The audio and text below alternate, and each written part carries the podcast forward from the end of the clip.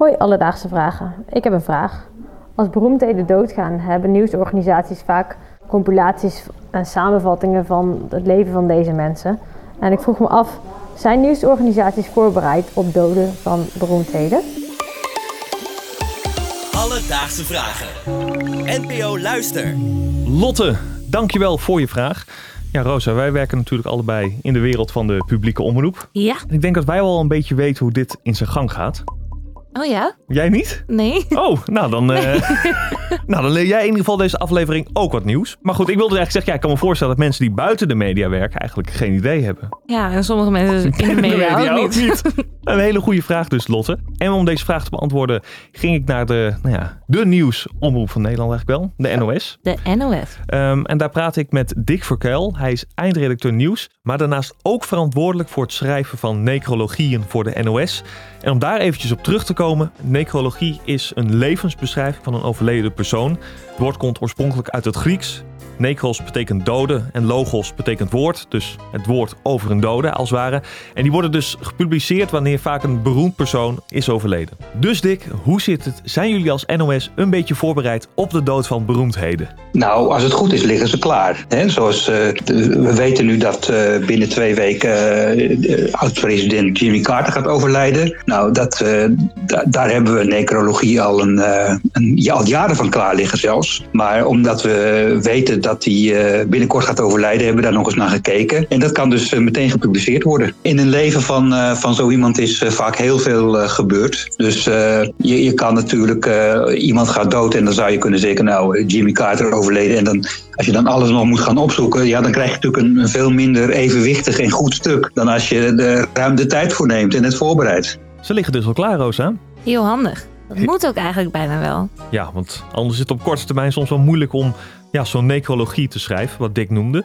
Over het algemeen worden deze dus al eerder voorbereid, zodat iemand goed eer kan worden aangedaan.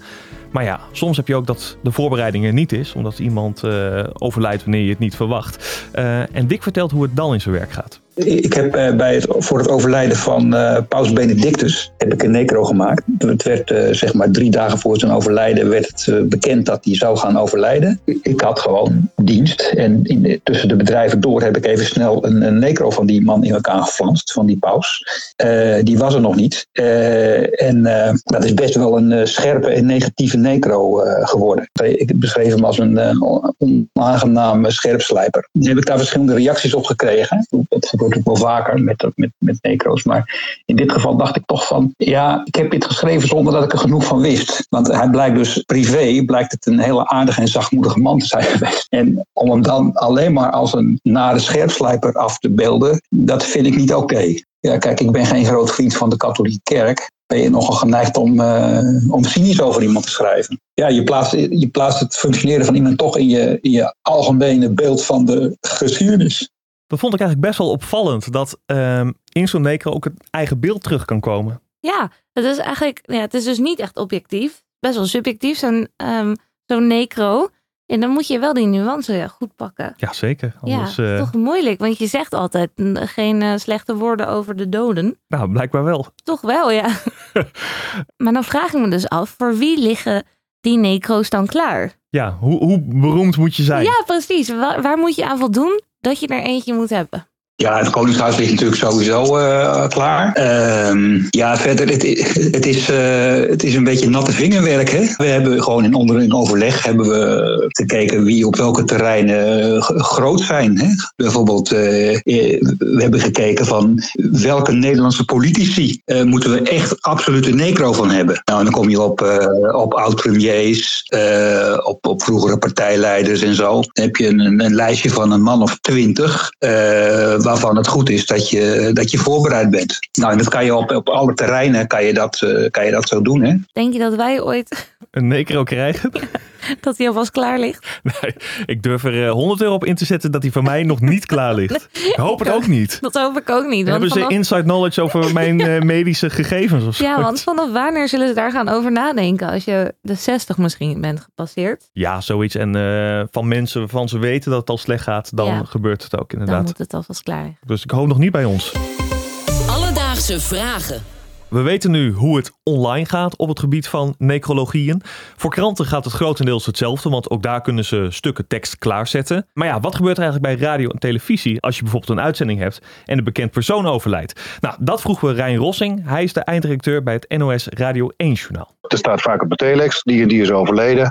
Nou ja, als het op de telex staat, dan gaan we ervan uit dat het bevestigd is. dan lopen we gewoon naar de studio en zeggen, nou, we hebben dit klaar liggen.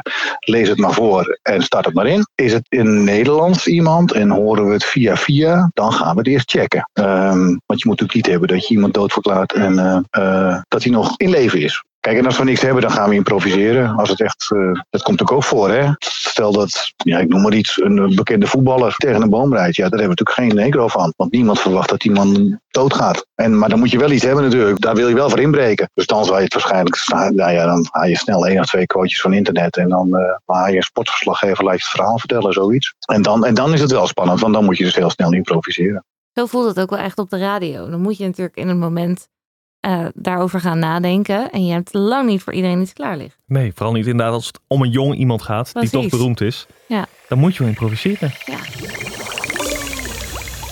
Dus Lotte, we zochten vandaag voor je uit of nieuwsorganisaties voorbereid zijn op het overlijden van een bekend persoon. En in veel gevallen is dat zeker zo. Dat is namelijk niet alleen handig, maar ook om zo een evenwichtig en eervol beeld van iemand te kunnen schetsen.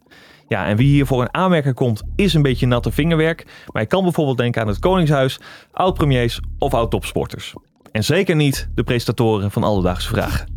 Heb jij ook een vraag? Stuur ons dan een berichtje op Instagram. Dat is Alledaagse Vragen. Of stuur een mailtje naar alledaagsvragen.bnnvara.nl en dan zoek het voor je uit. Alledaagse Vragen. NPO Luister. BNN Vara.